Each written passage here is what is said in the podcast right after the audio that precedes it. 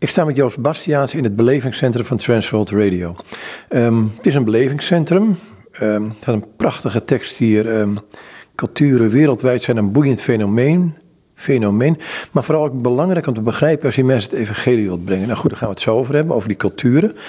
Allereerst in de Transworld Radio toe. Uh, wat is dat? TWR is het eigenlijk, uh, Joop. Want uh, Transworld Radio heeft zijn naam voor Nederland eigenlijk teruggebracht naar TWR. Omdat het wat makkelijker is. En omdat we eigenlijk veel meer doen dan alleen maar radio. We doen ook veel met media wereldwijd.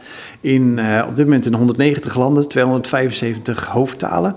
En daarin is, levert TWR Nederland en België in het bijzonder ook een 29-tal focuslanden die wij uh, ja, dicht aan ons hart dragen. En daar helpen wij bij om fondsen voor te werven, dus om programma's te maken die programma's die zijn heel breed. Dat kan zijn voor kinderen met een mooi Bijbelverhaal. Dat kan zijn voor vrouwen. Uh, niet alleen over het, uh, de Bijbel, maar ook gewoon over opvoeding of over andere dingen. En uh, ook voor mannen.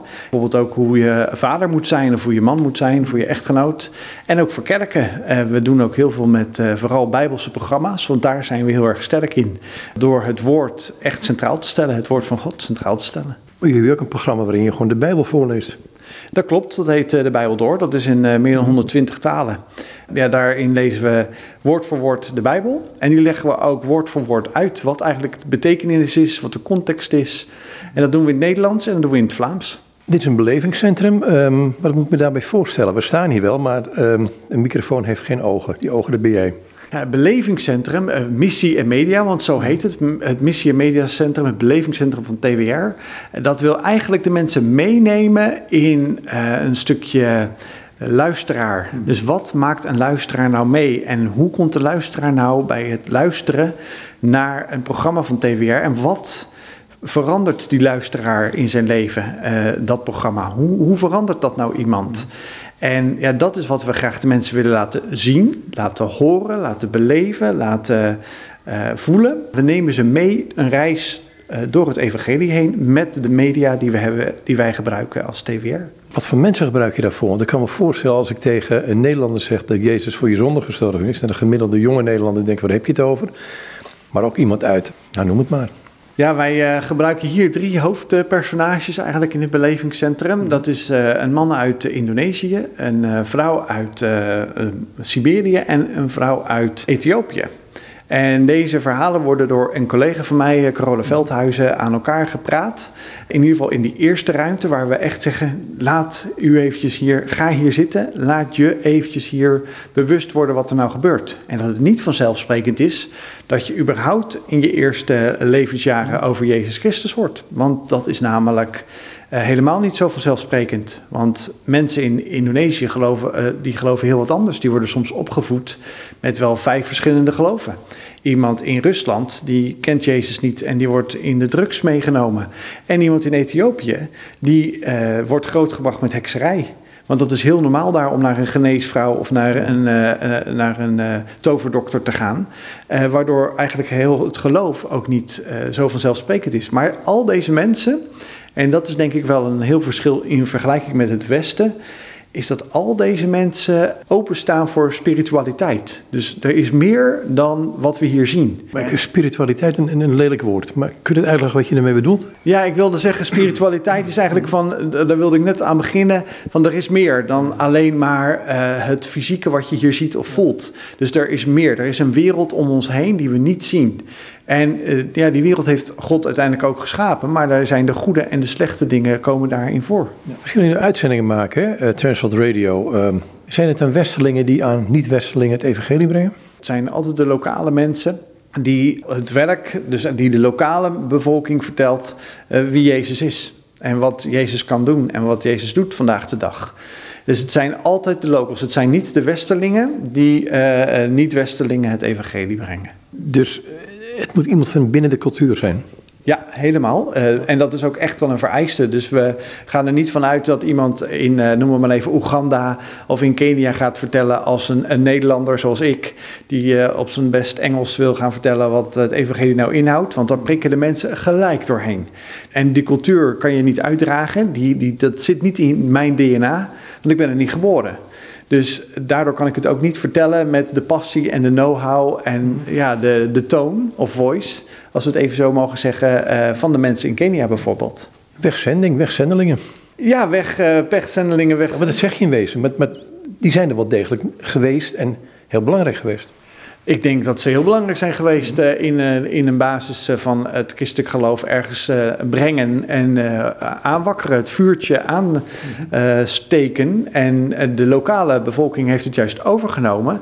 En ik denk dat het heel mooi is, want dat houdt in dat je vrucht van je werk hebt gekregen, doordat de lokale bevolking ook Jezus is gaan volgen en dat graag ook wil uitdragen door onder andere het werk van TWR in het eigen land.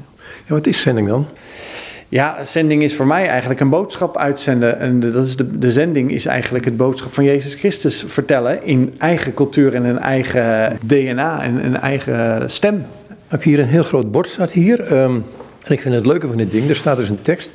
Hoe zullen zij dan hem aanroepen en weer zij niet geloven? En hoe zullen, wij, hoe zullen zij in hem geloven van wie zij niet gehoord hebben? En hoe zullen zij horen zonder iemand die predikt? Hè? Um, wij zeggen wel eens, um, van die slimme mensen in het Westen vooral. En dat, ja, um, we prediken het evangelie desnoods met woorden. Ik denk, ja jongens, doe niet zo dapper. Ga naar Saudi-Arabië toe, dan heb je een heel ander, dan heb je het verhaal misschien. hey, maar los daarvan, ik ben lelijk nu. Um, ik zie hier een heleboel mensen uit allerlei landen. En wat mij opvalt, in tegenstelling tot als je dit met Nederlands gaat doen, mensen hebben allerlei gelaatsuitdrukkingen. Ze kijken niet allemaal blij. En tegenwoordig is Nederland, moet je wel, uh, in wat je zegt, een beetje blij zijn. Hè? Misschien wel, maar ik weet niet. Nou ja, als ik in de media kijk, het moet altijd toch een beetje. Hè? Ja, ik denk, ik denk dat dat wel is. Maar ik denk dat iedereen um, uh, wel eens zijn ups en zijn downs heeft, letterlijk en figuurlijk. En dat zie je ook juist hier. Van, dat zijn een heleboel, een heleboel smiles, een heleboel uh, gezichtsuitdrukking met een lach. Maar je ziet ook echt mensen denken. Je ziet denken, ja, maar hoe dan? Waarom dan? En hoe zou dat dan gaan? En je ziet ook bij veel van deze plaatjes bijvoorbeeld emotie. Je ziet verdriet. Je ziet getekendheid van het leven, zouden we zeggen. En ik denk dat dat uh, maakt dat we ja, iedereen het willen vertellen. Je ziet zelfs iemand in een boerka. Maar ook iemand achter de boerka die kan geloven. Die kan zelfs geloven in Jezus, maar die, kan, die moet dan zoveel opzij zetten thuis. Zo in het geheim leven, ja, dat, je, dat je echt een sluier moet dragen voor je omgeving. Staat een zeetje onder. 3 miljard mensen hebben nog nooit van Jezus gehoord. Dat is 39% van de wereldbevolking. Um, en dan leven wij in het, in het Westen waar iedereen ja, de Bijbels liggen voor het oprapen. Ja, waarschijnlijk heeft uh, menig luisteraar er wel uh, meerdere in zijn kast staan. Maar dan is de vraag, waarom staan ze in de kast en liggen ze niet op de eettafel? Ik vind het namelijk zelf leuk. En een voorbeeld daarvan is even een klein uitstapje. Mijn, mijn jongste dochter die ging vanuit de kerk, vanuit groep 8 naar de, naar de, naar de jeugd, naar de, de eerste klas. En ze kreeg een bijbel mee. En ik zeg, oh, welke bijbel is het? Ze zegt, ja, dat is er niet dezelfde als ik, als ik al heb van jou gekregen. Ze had van mij een basisbijbel gekregen. Ze zegt, ja, maar dat is een andere. Ik zeg, nou, deze maakt het misschien nog makkelijker om voor jezelf het makkelijk te lezen. Dat is een Bijbel in gewone taal, heeft ze gekregen. Dus heeft al twee exemplaren. En het leuke is van, ah, ze zegt, oh, dan ga ik ook eens kijken. Dus we zijn gelijk uit nieuwsgierigheid, leg je de eerste bladzijde open. En dan zie je al, al wat, hoe het anders benaderd is. En ik denk dat we dat graag willen dat we mensen willen benaderen, eh, die 3 miljard die nog nooit over het evangelie hebben gehoord. Want ik had hier laatst iemand die zei, ja, maar ik hoor dat, het, uh, dat Wycliffe, uh, onze, onze goede collega's met wie we veel samenwerken in het, in het veld, al zeiden, ja, we hebben alle talen al. Ik zeg, ja, maar dat, het, of bijna alle talen. Maar ik zeg, dat kan ik me wel voorstellen. Maar de vraag is of het bij de mensen komt. Dus je kunt wel zeggen, we hebben de taal uh, beschikbaar. Maar hoe komt het dan bij de mensen? En dat is vaak nog een hele stap. Ja, je moest leren lezen en schrijven in bepaalde delen van de wereld.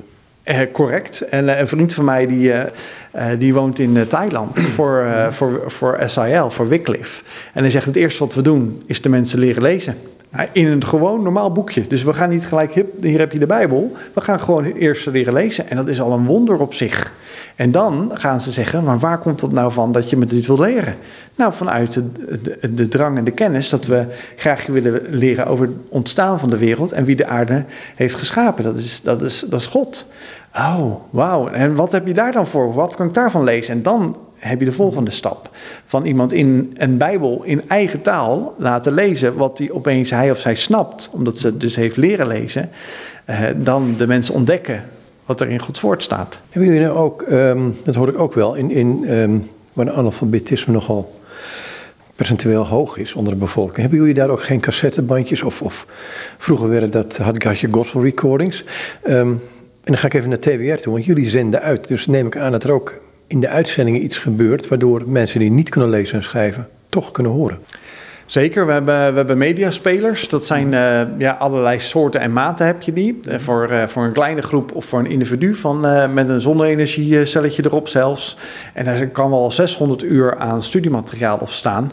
Waardoor mensen gewoon op hun eigen tijd en op hun eigen manier... heel simpel met een hele paar basisknopjes op kunnen drukken en het kunnen starten. Dat is echt geweldig om dat te zien. En dat komt ook hier terug in het belevingscentrum. Dat analfabetisme, taal, uh, ja, je wil de mensen bereiken in die hartstaal die ze begrijpen. Want we kunnen hier in het Engels gaan praten, of in het Duits of in het Chinees, maar uh, de luisteraar zal er niks van begrijpen. Dus dan komt mijn boodschap, onze boodschap, ook niet aan bij hun. Wat is hier nog meer te zien, behalve een heleboel gezichten? nou, die, je begint hier eigenlijk de, de tour, wat ik al zei, met, uh, uh, door uh, op mooie bankjes te gaan zitten en zelf een knop in te drukken en dan gaat er een film spelen. en daar worden dus vijf, drie verhalen verteld. Wat kan ik hiermee als ik hier naar kijk? Ik denk dat je dan bewust kan zijn dat het niet vanzelfsprekend is dat je van, vanaf de wieg af aan over, over Jezus hoort. En dat, je, dat het niet standaard is dat je christelijk wordt opgevoed. Nee, maar wat betekent dat voor hun? Het betekent voor hun uh, een, een, zoektocht. Want uh, ja, er is een zoektocht naar van wie ben ik nu echt? Waar, waar hoor, wat is nou de oorsprong? hoe, ben ik, hoe ben ik tot leven gekomen? Wie heeft mij tot leven gewekt? Hoe, hoe is het leven gestart? En dat die mensen dus niet die bereikbaarheid hebben van het evangelie, dat dat niet heel vanzelfsprekend is. Wat, wat voor een respons krijg je op deze nou, tentoonstelling, maar ook op de uitzendingen die jullie doen? Ja, heel, heel divers. Um, er zit in veel landen zit daar geweldige zegen op, als ik het even zo mag zeggen. Uh, maar we hebben ook heel veel, uh, ja, bijvoorbeeld in het Midden-Oosten, heel veel reacties van, uh, van bijvoorbeeld in Pakistan of in Afghanistan, waar 100.000 reacties binnenkomen, waarvan er 99.000 zijn. We zullen de toren afbreken, hè, dan bedoelen ze de radiotoren, en jullie zullen branden in de hel. Dat soort berichten mm. krijgen mijn collega's. En het is voor mij zelfs heel persoonlijk dat ik uh, recent, vorig jaar, is een van mijn collega's in Pakistan echt uh, gefolterd. En die is gewoon echt in elkaar geslagen, zwaar gewond geraakt. Vanwege zijn geloof en hij is in de val gelokt.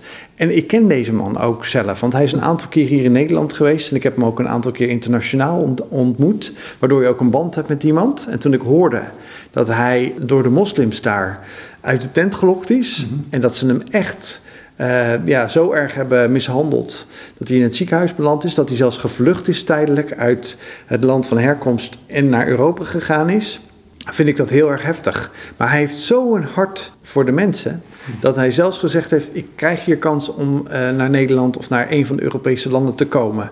Als vluchteling, als, de, met, een, met, een, uh, met een geloofsovertuiging dat ik hier naar Nederland mag komen vanwege mijn geloof. Maar dat ik toch terug ga, want ik heb hart voor die mensen. Nou, dat, dat vind ik ongelooflijk wat mensen over hebben om de boodschap van God, de goede boodschap van het Evangelie, uit te blijven dragen. Ja, vraag je dat wel eens? Want als zij gehoor geven aan het evangelie, dan weet je wat je te wachten staat eigenlijk in, in bepaalde landen. Maar dat, uh, wat zeggen ze dan? Ja, die zeggen dit is het waard. Dat is tot, tot mijn dood toe is dit het waard om, uh, om het evangelie te, uh, uit te dragen. Want dat is wat, wat de boodschap is. En dan denk ik, wow, dat zeg jij die letterlijk en figuurlijk in elkaar geslagen is. En ik die hier in vrijheid op zondagochtend, zonder dat de buurt me aankijkt, naar alle kerken binnen kan stappen. Waar ik vrij, vrij mijn, mijn gospelmuziek mag opzetten met een speaker buiten. Waar niemand zal zeggen, dit is verboden of die zullen me gelijk in de gevangenis gooien. En jij gaat toch terug. Nou, dat is echt voor mij. Ik, ik, ik weet al dat ik mijn, een brok in mijn keel heb gekregen toen hij dat zei. Ja. Wat is hier nog meer te zien? Nou, er is verder hier nog niet zoveel te zien. Eigenlijk is dit redelijk donker. Dat is een soort van duisternis. De, de, het, we willen eigenlijk ook hier symboliseren van de duisternis naar het licht toe. Dus uiteindelijk zullen we naar het licht toe werken. Dus hier is niet zoveel te zien. Want uiteindelijk wordt er in de film gezegd: ga mee verder op tocht in, uh, in het belevingscentrum. Ja. Zullen we dat maar doen, hè? Ja, dat gaan we doen. Vertel, waar komen we nu? Um, ken je gehoor staat hier? Dat lijkt me een hele lastige, een hele goede ook. Ja, ja, ja. Want dat betekent luisteren. Dat betekent luisteren. Er- er- In één keer gaan er wel de nodige dingen aan. Dus zometeen gaan we nog zelfs eh, wat geluid horen. Eh, op de achtergrond van een filmpje wat cultuur weergeeft. Dat het niet vanzelfsprekend is dat je bijvoorbeeld... Wij mogen het nu niet meer, maar een hand geeft.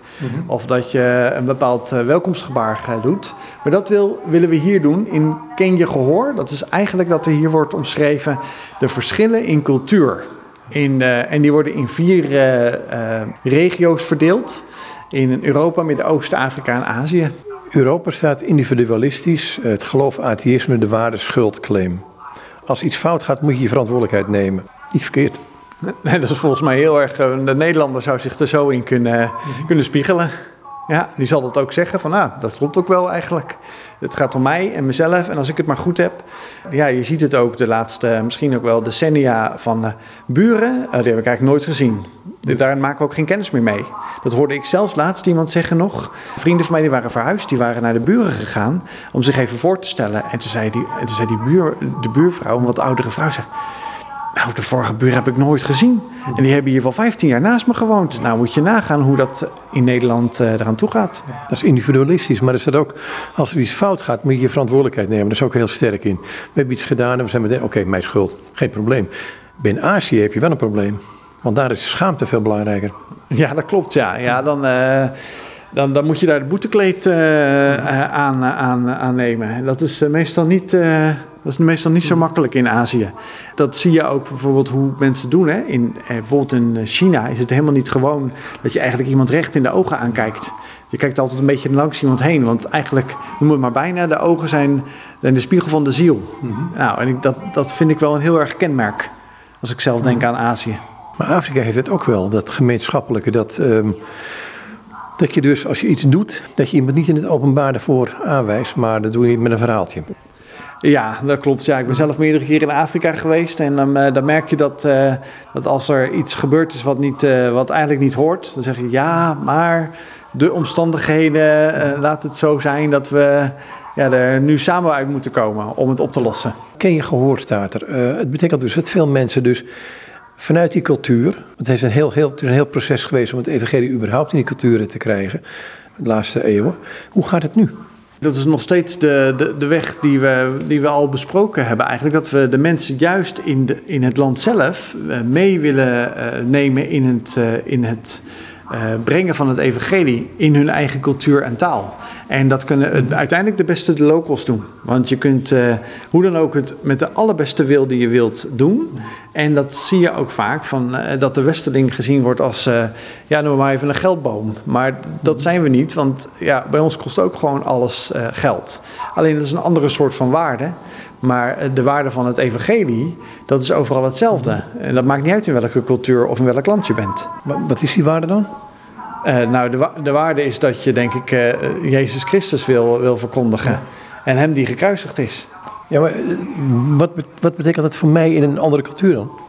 Nou, dat dat dus op de manier in die andere cultuur gebracht wordt, op de manier dat het bij hun binnenkomt. En je kunt zeggen, ja, we hebben veel visualisatie nodig bij ons, of hebben die, die filmpjes zeggen wat, of het persoonlijke verhaal in, in bijvoorbeeld Europa. En in Afrika kan het zijn dat het juist heel erg met eh, verhalen is. Dus een verhaalcultuur is, waarin een, ge- noem maar even de, de, de getuigenissen, de, de gelijkenissen bijvoorbeeld uit het Nieuwe Testament, die Jezus vertelt, dat is echt iets perfect voor Afrika. En voor Azië is het een stukje, je moet eerst de ander laten vertellen waar die staat. Eigenlijk meer van, eh, dit is waar ik mee bezig ben. En dan kan je het geloof gebruiken in bijvoorbeeld een eh, eh, Aziatische cultuur.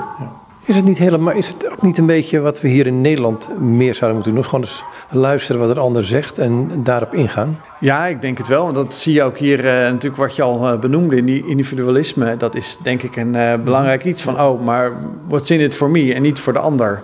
En dat als je goed naar een ander luistert en vaak zeggen we wel eens tussen de woorden of tussen de zinnen doorluistert, dat er dan veel meer, eh, veel meer besef ontstaat van wat een, waar een ander precies staat. En ik denk dat dat voor ons heel erg een leerschool kan zijn. Hier staat een, eh, zijn een aantal voorbeelden.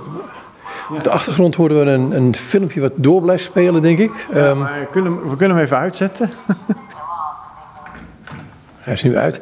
Ehm, hier liggen een aantal eh, overtuigingen vanuit het hart gesproken. Nou, geeft die mensen maar een gezicht. Je ziet die vier verschillende mensen zijn het. Een jonge vrouw uit Turkije, Mirjam. En, uh, en zij luistert uh, in Turkije naar uh, een van onze programma's. Door, door, ik weet dat het, het, de zender heet niet TWR, maar dat heet Sifa FM. Daarin vertelt ze dat ze ongewenst was. Mm -hmm. Hè, de, dat zij haar moeder door verkrachting, dat zij daar eigenlijk daardoor geboren is. Dus eigenlijk zegt dat al iets van hoe iemand in een leven staat. Ja, dat ze hier zegt van uh, dat radio ja, mij heel erg geholpen heeft. Op wat voor manier? Kun je het gewoon voorlezen? Na een poosje bleken het christenen te zijn. Ze hielpen me zodat ik kon studeren. Via hen kwam ik bij jullie radioprogramma terecht. Dat hielp mij enorm. Later verhuisde ik en het contact ging verloren. Maar toen ik na jaren terugkwam, was ik zo blij om ze weer te zien. Ze vroegen me of ik nog naar de radio-uitzendingen luisterde. Eerlijk gezegd niet. Vervolgens deed ik de radio aan uit nostalgie. Een week later aanvaarde ik Jezus in mijn hart.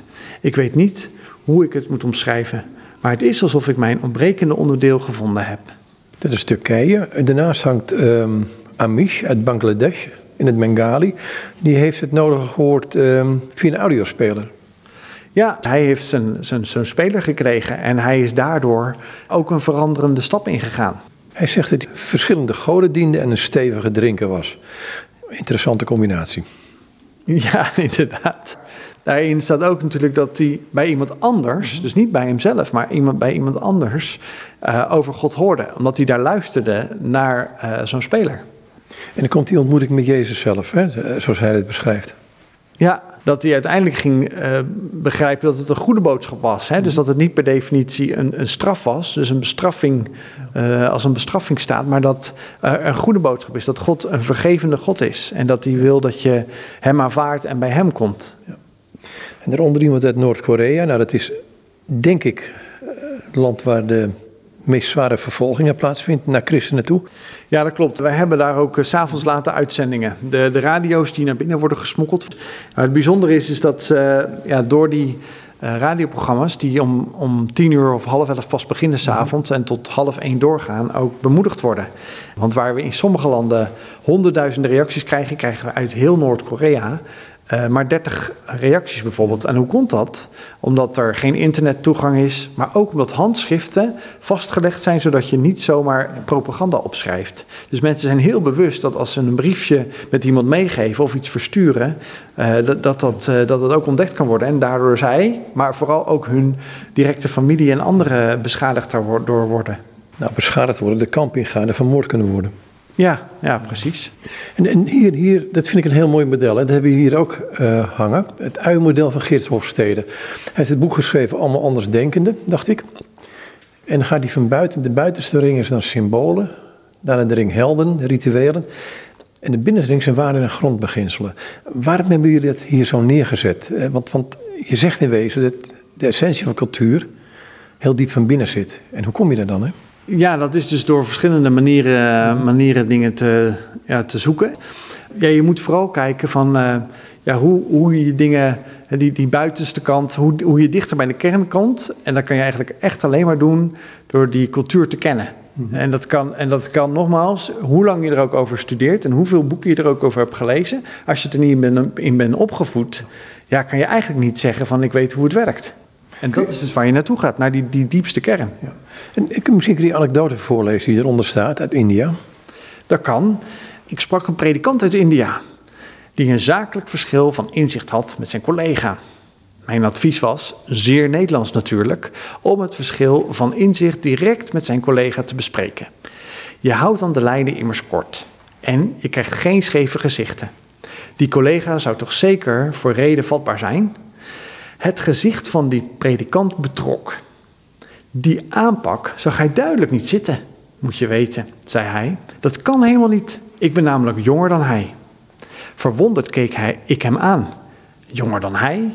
In mijn ogen waren het beide bezadigde mannen van diep in de veertig.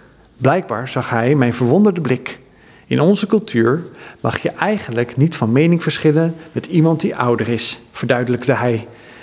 Wil jij het niet met hem bespreken? Dan heb je de relatie man-vrouw in veel van die landen die anders ligt dan hier.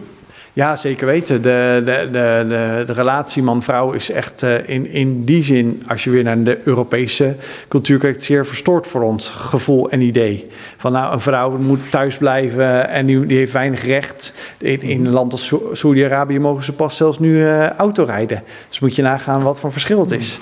Uh, terwijl bij ons hier ja, al, dat, dat al decennia's ook mag. Maar ook in Nederland was dat ja, tientallen jaren geleden anders.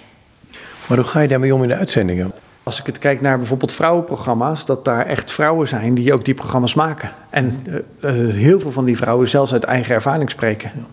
En jullie hebben hier een uh, Transworld Radio een kaartje. Stap in de digitale wereld van Transworld Radio. Want dat is natuurlijk een, een mogelijkheid om vanuit, vanuit je laptop of vanuit je computer... Ja, wie je maar bereiken wil bereiken kunt. Afgezien van het feit dat sommige landen afgeschermd zijn, maar goed.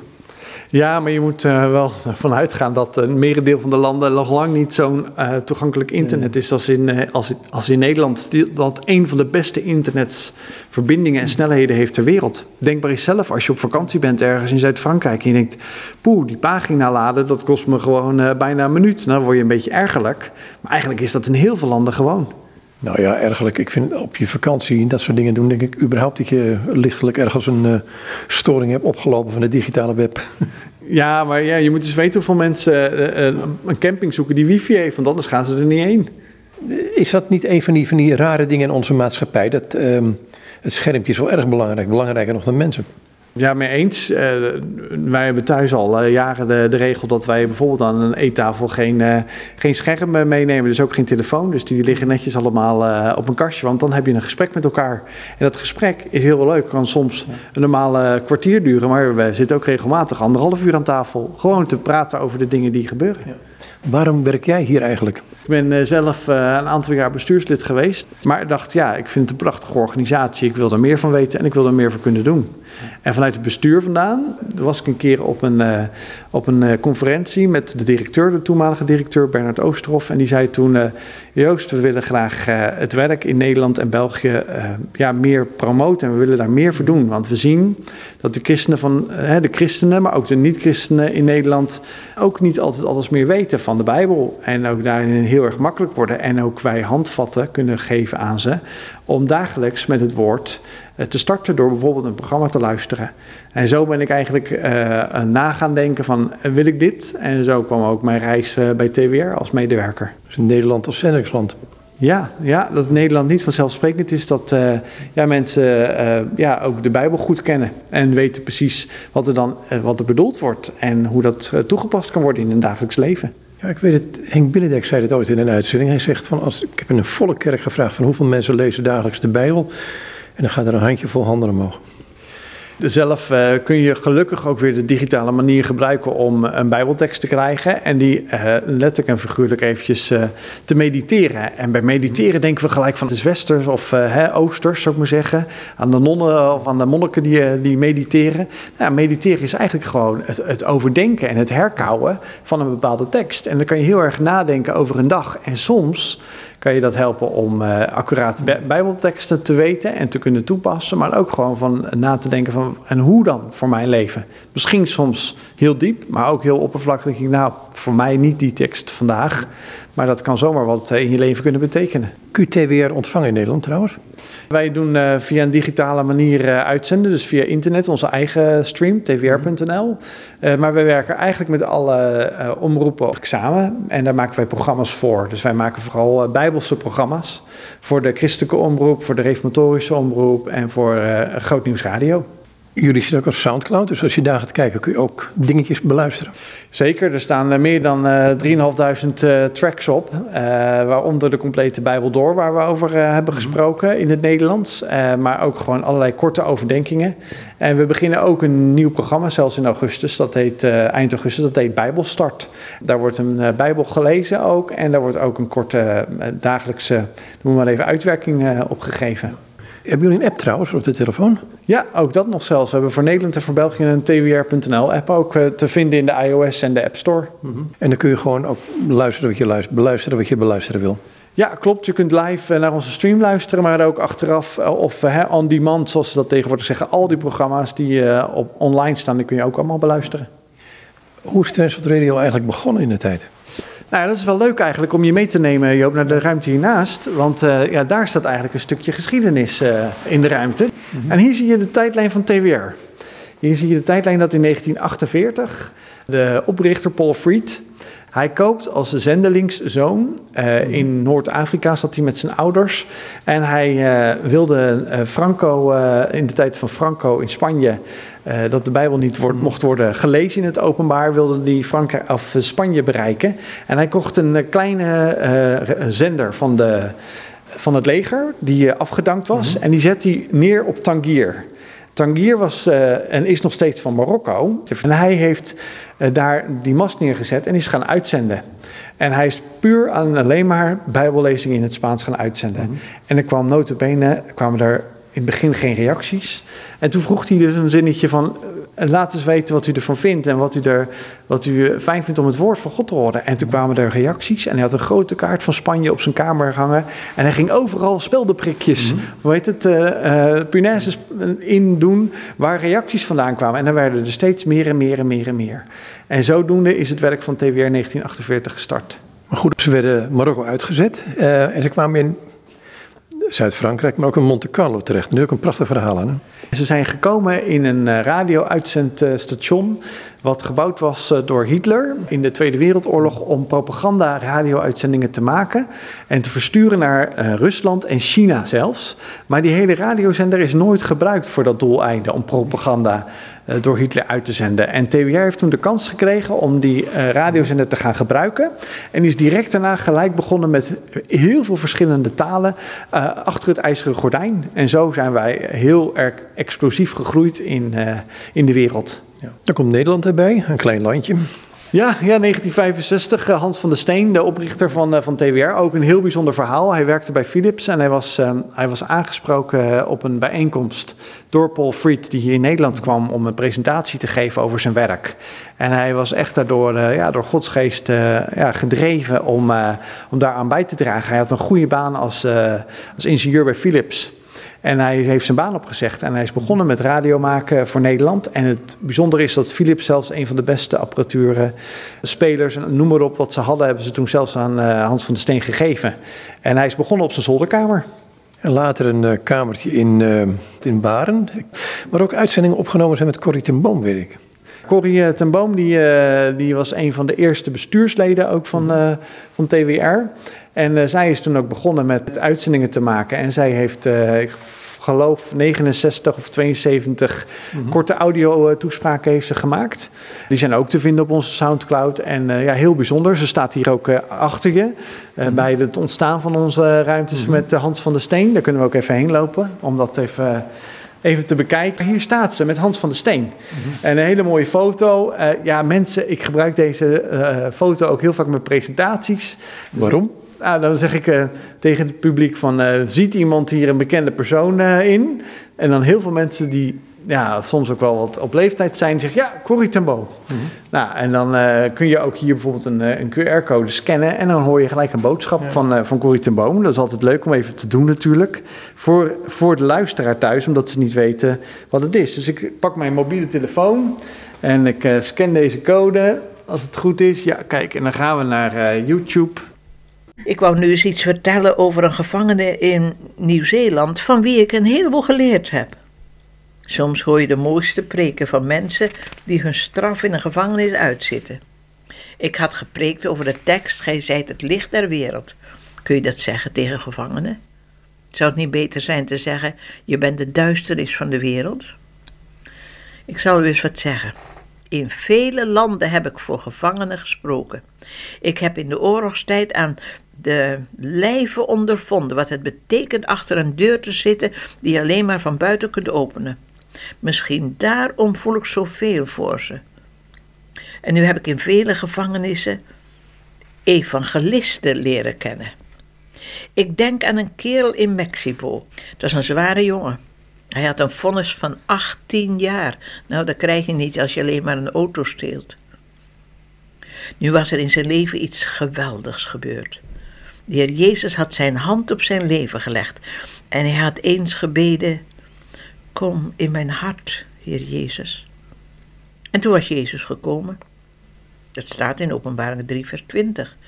Zie ik staan de deur en klop, indien iemand naar mijn stem hoort en de deur opent, ik zal bij hem binnenkomen. En dat was gebeurd. En die man werd toen de evangelist van zijn gevangenis. Toen ik daar kwam, had hij al de helft van zijn medegevangenen tot de Heer gebracht. Ik hoop dat u in de hemel komt en ik u daar zal ontmoeten. En dan geloof ik zeker dat ik u zal kunnen voorstellen aan heel wat vurige evangelisten die ik in gevangenis ontmoet heb. Kerels die nu nog hun tijd uitzitten. Maar dat niet alleen. We zullen er vele vinden die door hun de weg naar de hemel gevonden hebben.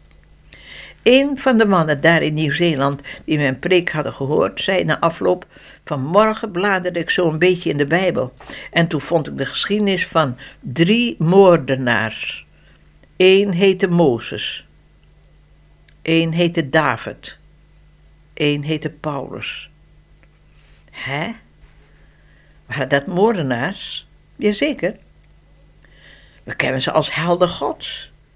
Maar alle drie zijn moordenaars geweest. En de gevangene zei: Kerels, er is hoop voor jullie en mij. Wat kan God doen met een totaal overgegeven moordenaar? Ja, wat kan God met u doen die luistert? Wat kan God doen met een totaal overgegeven, fatsoenlijke zondaar? Wilt u u overgeven? Dan zullen er wonderen gebeuren. Want u bent het licht der wereld. Dank u, Heer, dat dat mogelijk is. Dank u dat u zondaars, geredde zondaars, schoongewassen zondaars, gereinigd door uw bloed, dat u die kunt gebruiken als uw licht in deze donkere wereld. Halleluja, amen. Dit was Corrie ten Boom op haar eigen manier, afsluitend met een gebed altijd. Het is mooi. Ja, dat is uh, het leuke van, uh, van de techniek, dat je hier gewoon ook dit soort dingen kunt toepassen. Zie je, zo lopen we echt van de een naar de andere muur, omdat er zoveel te zien is. En we vergeten eigenlijk dat er hier in het midden bijvoorbeeld een tafel staat met allerlei uitzendapparaten die wij gebruiken weer in het veld. Dus deze worden niet gebruikt in Nederland. Nou, er staat een DAB+. Dat is bewust, want in Nederland kun je ons ook beluisteren op DAB+.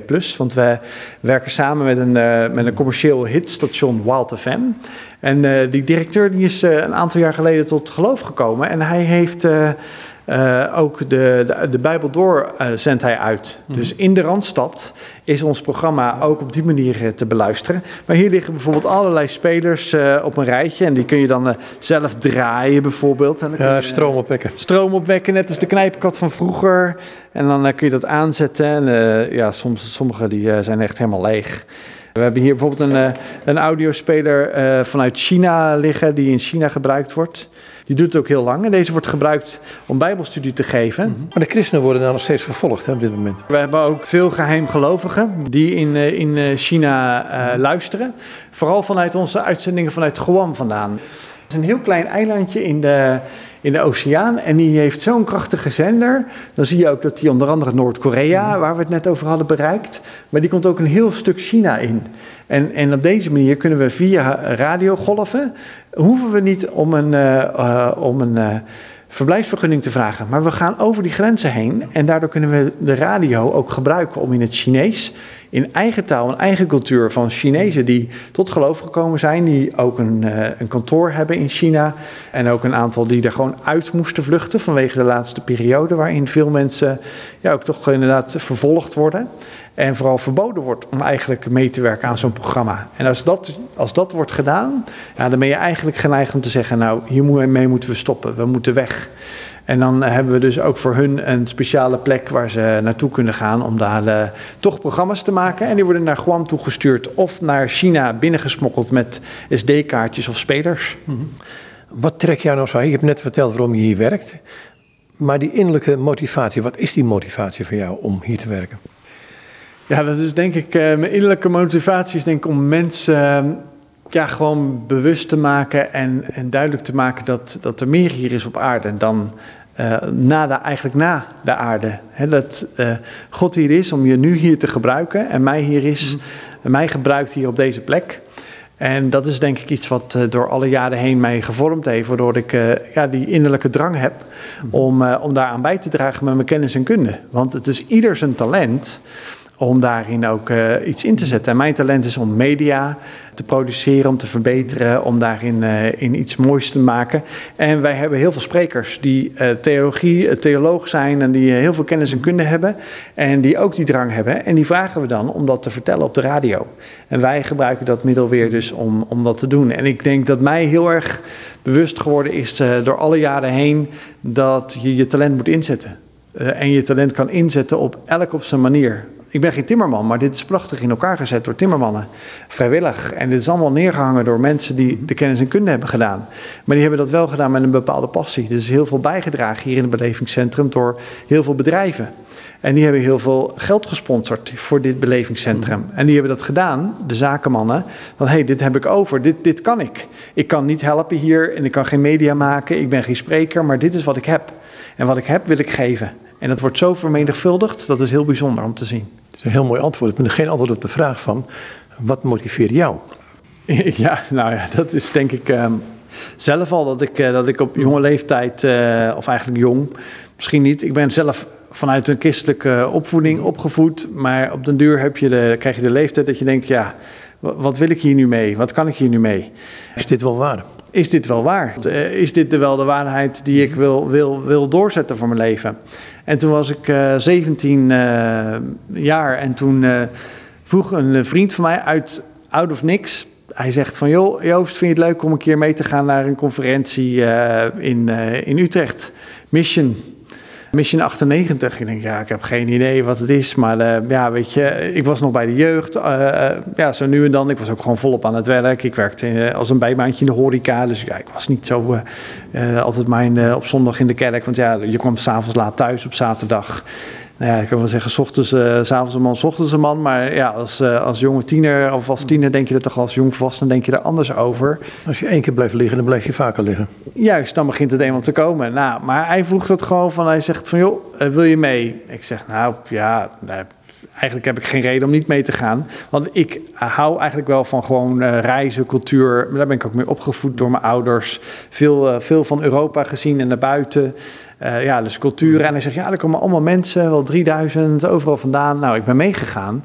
En daar was een bijzondere boodschap. Dat, dat uh, er door een spreker, en ik moet je heel eerlijk zeggen dat ik niet meer weet wie het was, maar dat de spreker zei. Iedereen kan bijdragen, iedereen is belangrijk. En de hand en de, en de, de, de voet, letterlijk en figuurlijk vanuit dat stukje vanuit de Bijbel, wat werd gezegd. Dat Gods lichaam zo, zo uh, beweegt en zo uh, iedereen nodig is denk ik, ja, nou, ik weet het eigenlijk niet, maar ik steek mijn hand op en ik wil me laten gebruiken. Ik wil me eigenlijk zeggen van, joh, ik ben bereid om met mijn kunst, uh, uh, met mijn kennis en kunde, ja, iets te gaan doen. Ik weet niet wat, want ja, ik zat nog uh, midden in, in te studeren. Ja, en dat heb ik eigenlijk ook losgelaten. En ja, eigenlijk ik had heel veel mensen ontmoet. Het was echt een prachtige conferentie. Ja, dan kom je weer thuis en dan uh, is het, uh, het was eind december was dat. En uh, ja, je gaat gewoon weer door met de waan van de dag. En ja, het zit wel iets wat in je, in je, in je gedachten, in je hart is, is beklijft, als ik het even in het oud-Hollands zou moeten zeggen. Dat, dat, dat is geplant in je hart. Dus niet in je hoofd, niet tussen je oren, maar echt in je hart. Van nou, ik heb dat geroepen en dat is nog steeds wat me nog steeds is. Mm. Ik heb mijn hand opgestoken. Ja, en eigenlijk heb ik jarenlang in de, in de commerciële wereld gewerkt na mijn afstuderen. En uh, totdat weer een andere vriend van mij zei: Joh, Joost, hebben iemand nodig. Um, en het werk wat ik toen deed, dat was al, was al veel botsing, uh, kwam daar uh, uit voort. Uh, dat ik denk van ja, als mijn, mijn christelijke opvoeding en met uh, wat je weet en wat je beleidt met je mond en met je hart, daar moet je ook achter staan. En ik denk ja, ik kan hier eigenlijk ook niet meer dit werk zo mm. doen van harte. En toen zei een uh, vriend van mij, hij zegt van joh, ik dacht aan jou, want ze zijn bezig met een, bij de Hoop, bij de Hoop in Dordrecht zijn ze bezig met een, het opzetten van radio en televisie. Daar willen ze wat meer mee doen. En ik dacht aan jou, vind je dat wat? Ik denk, ja, ik heb me echt de hoop. Wat, wat is dat voor een club eigenlijk? Ik was daar Ja, wat is het voor een club eigenlijk? ja, ik was daar ooit geweest als jong jongetje op een open dag. En ik, ik weet nog wel dat het mij goed bij is gebleven dat wij kwamen in een kamer waar mensen die, die verslaafd waren eh, afkikten van de harddrugs. in, eh, op de Spuiweg, waar ze begonnen zijn eh, veer- 45 jaar geleden. Dat ik daar was als ja, klein jongetje kwam. Dat mij heel erg bijgebleven is van wauw, het is een kamer waar mensen met harddrugs eh, ja, afkikken. Een bed stond. Het was heel simpel, heel eenvoudig, maar het was geen gevangenis. Want je, je mocht gewoon de deur uit. Dat was een vrijwillige keuze om eh, af te kicken. Maar met de hulp van God. En dat, dat wist ik dus ergens nog wel. Nou, toen ben ik zelf eh, me er eens in gaan verdiepen. Ik heb ook niet gelijk gezegd ja. En ik was ook heel erg blij dat die sollicitatieprocedure best wel lang... eh, dat je kon inschrijven eh, ervoor of een brief kon schrijven. Dus ik ben daar eh, even ingedoken. En ik denk van dit, eh, dit is wel een heel mooie club. Ik ben benieuwd wat ik daarin kan betekenen. En ik heb een brief gestuurd. En mijn eerste gesprek was met eh, de, het afdelingshoofd. En ik werd, al, ik werd gelijk, er werd gelijk gezaagd aan mijn geloofsleven. Van wie ben je nou? En laten we gelijk bidden. Nou, ik was natuurlijk sollicitatiesgesprekken gewend waar helemaal niet gebeden werd. Maar er werd serieus, daar wordt gebeden voordat je überhaupt begint aan een gesprek. Dat is wel heel bijzonder hoe dat hier allemaal gaat. En ja, ik heb genoeg kennis en kunde om dat te doen. Het tweede gesprek was met, eh, gelijk met eh, Teun Stortenbeker, de oprichter van, eh, van De Hoop. Nou, die begon echt zoiets van, weet je het zeker dat je dit wel wil? Want ja, er gaat, er gaat met jezelf ook wat gebeuren. Dus je gaat zelf ook veranderen, zei hij. Ik denk, veranderen, ik ben al in de dertig, wat gaat, wat gaat mij veranderen dan? Nou, er gingen ook echt wel dingen met mij veranderen, omdat ik heel veel met mensen ging werken. Mensen die eh, ja, vanuit de straat kwamen en God helemaal niet kenden. Waar zoveel dingen, zoveel verhalen zijn gebeurd. Ja, dat heeft mij zelf ook een andere kijk op mensen gegeven. Dat iedereen, hoe diep je gezonken bent en wie je ook bent, man, vrouw, eh, harddrugs, eh, drugsdealer, drugsbaron, eh, iedereen heeft een kans bij God. Iedereen krijgt een kans, nee, niet één kans, maar heel veel kansen om, om God te volgen en God uiteindelijk in je hart aan te nemen. Zijn liefde, zijn genade eh, te ontvangen. En dat heeft mij eh, gemaakt tot de persoon die ik ben vandaag. Waarvan ik denk, voor iedereen die in eerste instantie wil horen, maar misschien ook zelfs wel in het diepste van zijn ellende denkt: Ik heb nou alles al geprobeerd. En toch ga ik die kerk maar weer eens opzoeken. Want bijvoorbeeld, ik ben er ooit opgegroeid, maar ik heb het verlaten. Of ik heb nooit erover gehoord, maar ik heb gehoord over Jezus, over zijn liefde. Nou, laat maar hier komen. Ik ga op mijn knieën. En dat ik denk, dat is mijn drijf. Maar er zijn ook mensen die zeggen, joh, maar ik ben Jezus niet kwijt, maar ik wil weer hem opnieuw ontdekken. En dat is een mooie bijdrage. En dat is mijn persoonlijke drive, om ook hier bij TWR te mogen bijdragen aan het buitenland, wat er gebeurt. Maar ook aan het binnenland, dat we de programma's mogen maken voor de christen die gelooft. Maar dat we hem opnieuw mogen ontdekken, laten ontdekken van wat dat nou betekent in het dagelijkse leven. Simone Weil aan lezen. En die zegt van het ongeluk overkomt je. En dan kun je troost vinden. Maar het overkomt je. Het goede, daar moet je ja tegen zeggen. Ja, ik, ik denk dat dat dagelijks je, je moet afvragen van wil ik de smalle weg gebruiken vandaag of de brede weg. Dan kan je zeggen, ja maar daar wandel je toch altijd al in. Ja, maar toch heb je dan ook elke dag zo'n wissel. En dan denk je wel van, wat zijn je keuzes? Ja, en ik zeg, ja, ik wil dat. En als je al zo begint, dus als je al zo eigenlijk in het, uh, in het leven staat van God wil, het, die heeft het beste met mij voor. Die, die heeft nooit gezegd tegen me van, uh, ja, jij, jij, jij zondig mens, dat zegt hij ook. Maar hij zegt ook, je mag ook maar naar mij toe komen. Want maar ik, ben, ik sta open, ik ben de, de vader die de verloren zoon omhelst. Die zegt, joh, je bent welkom, ik hou van je. Nou, en, dat, en dat is denk ik misschien wel bijna mijn, mijn dagelijkse iets, dat ik denk, ja, God zegt elke dag, ik hou van je. Maar dan moet ik ook zeggen, ja, ik hou er ook van u, want dat is dan een, een wederzijdse actie die je onderneemt. TWR, um, waar kan ik het vinden op het internet? En je vindt ons op uh, twr.nl, dat, uh, daar kan je ons luisteren en alles nakijken. Maar uh, we hebben ook internationaal, want heel veel mensen zeggen wel eens... ik heb een buurman of een buurvrouw of ik ken iemand die uit een ander land gevlucht is voor het geloof. Maar ik wil hem ja, ook graag bemoedigen, maar ik spreek geen Eritrees of ik spreek geen Arabisch. TWR 360 twr360.org, dus twr360.org. Daar kom je op onze internationale pagina, daar vind je 54 talen. Dat zijn eigenlijk de meeste talen die ook in Nederland worden gesproken. Maar we hebben bijvoorbeeld ook dat we vluchtelingen of migranten willen bemoedigen. Heel veel uh, vragen komen er ook wel. Ik heb een vluchtelingenkamp, een AZC in mijn uh, omgeving. Uh, kan ik daar wat brengen? Nou, dat kan alleen maar op persoonlijke titel. Want je mag namelijk niet zomaar naar een poster hangen of kaartjes neerleggen. Maar als jij daar als hulpverlener of als pastoraal werker komt, dan kun je bij ons kaartjes bestellen en die kun je meenemen. En die kun je geven aan een, iemand die ja, zoekende is. Of die denkt van wat is dan dat christelijke geloof? de rol van gebed? Ik denk dat de gebed de motor sowieso is van ons werk. Straks zie je ook in deze beleving, stap 1 is bid mee. Elke dag, twaalf maanden lang, bidden we voor een uh, bepaald land of een bepaalde doelgroep. En dat is natuurlijk prachtig om samen met, uh, met elkaar te bidden. Dagelijks, als wij hier uh, bij TWR werken, beginnen we een dagopening. Iemand van onze collega's leest wat uit de Bijbel. we delen dank- en gebedspunten.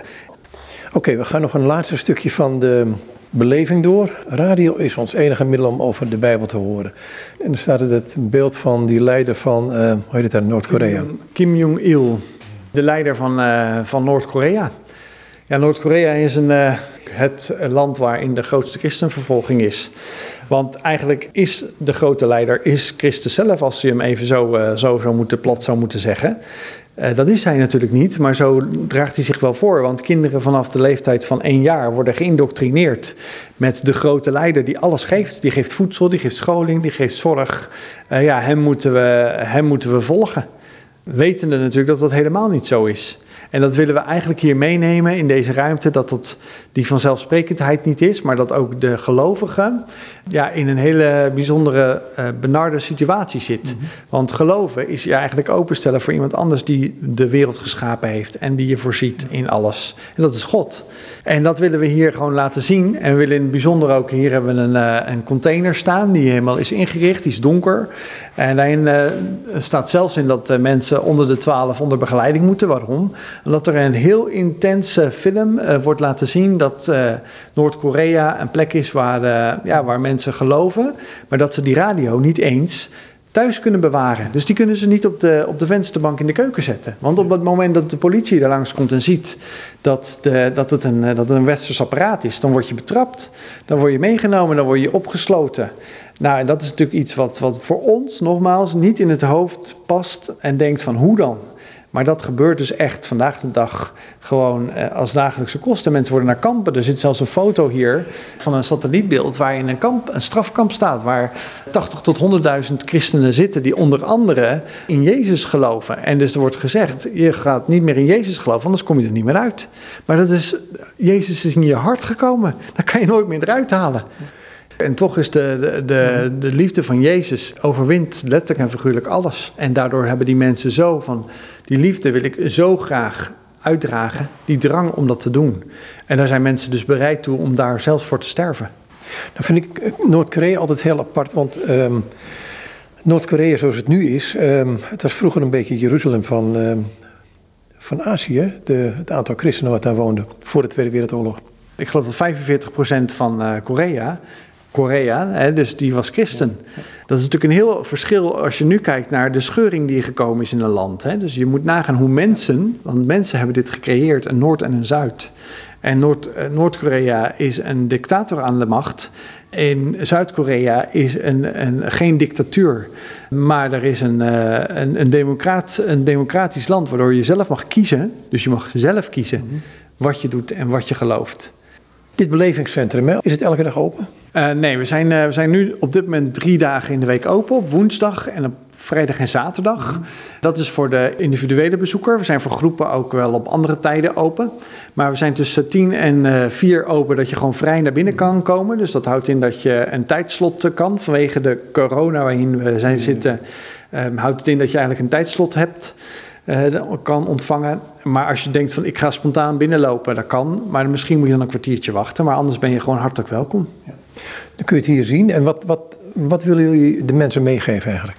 Nou, we willen de mensen meegeven dat wij het, het evangelie overal laten horen en ons niet laten, ja, laten afleiden door een grens. En uh, dat, dat iedereen bij God ook welkom is. Wie die is en wat hij doet, wat hij gelooft, waar hij vandaan komt. En dat uh, ja, Jezus ook de, voor hun gestorven is aan het kruis. Maar ook vooral dat Jezus ook gewoon zegt kom bij mij en ik wil graag je, dat je bij mij hoort. En dat willen we hier laten zien. En dat laten we zien vanuit die duisternis waar we begonnen zijn. Hier naar dat licht, wat je ook ziet hier. De ramen zijn open. De laatste ruimte staat de, bron van hoop. Dat wil God gewoon ook voor hun zijn. De bron van hoop. Hè? En God houdt altijd zijn belofte. Hij verandert niet. En dat zie je zo mooi terug in die verhalen die je in de eerste ruimte zag. Ja, wat ik zeggen, dit zijn de mensen weer die in de eerste ruimte hun verhaal deden, waar ze in leefden. En hier wat die belofte of die bron van hoop is voor hun. En dat God altijd zijn belofte houdt, hij verandert niet. Misschien kun je die drie mensen nog een keer de vuur laten passeren. Ja, we hebben, we hebben de, de vrouw uit, uit Ethiopië die in de hekserij zat. En ze getuigt hier, ik was in grote problemen en God heeft me hieruit bevrijd. Niets is onmogelijk voor God. Dat ik Jezus heb aangenomen, heb ik alles ontvangen wat ik nodig had. En we hebben Lena, zij heeft een drugsverleden. En ze is er voor opgenomen zelfs geweest uit Siberië. Hoe groot is God? Ik ben tot leven gekomen en gezond. Ik ben één met God en wil bij Hem zijn tot aan het einde van mijn leven. En dan hebben we Tugianto, een man uit Indonesië die in al die geloven zocht en uiteindelijk in Jezus de vrede heeft gekregen. Want de vrede die Tugianto ervoer nadat hij de Heer Jezus in de Heer Jezus ging geloven, heeft Tugianto tot een ander persoon gemaakt. Hij verlangt ernaar dat andere mensen ook redding krijgen door de Heer Jezus Christus. Hij blijft daarom bidden voor het programma Marji Utumi, zodat er veel meer mensen zo bereikt kunnen worden om in Jezus te gaan geloven. En dat programma, dat is de Nederlandse variant van de Bijbel door. Goed, ik wat hierbij laten. Dankjewel. Graag gedaan. En dit is Joost Bastiaans en met hem sprak ik over TWR. Ze hebben een website www.twr.nl. Daar kunt u geheid meer informatie vinden over Transworld Radio of TWR zoals het hier heet. Goed zoals ik al zei, tot zover dit gesprek met Joost Bastiaans.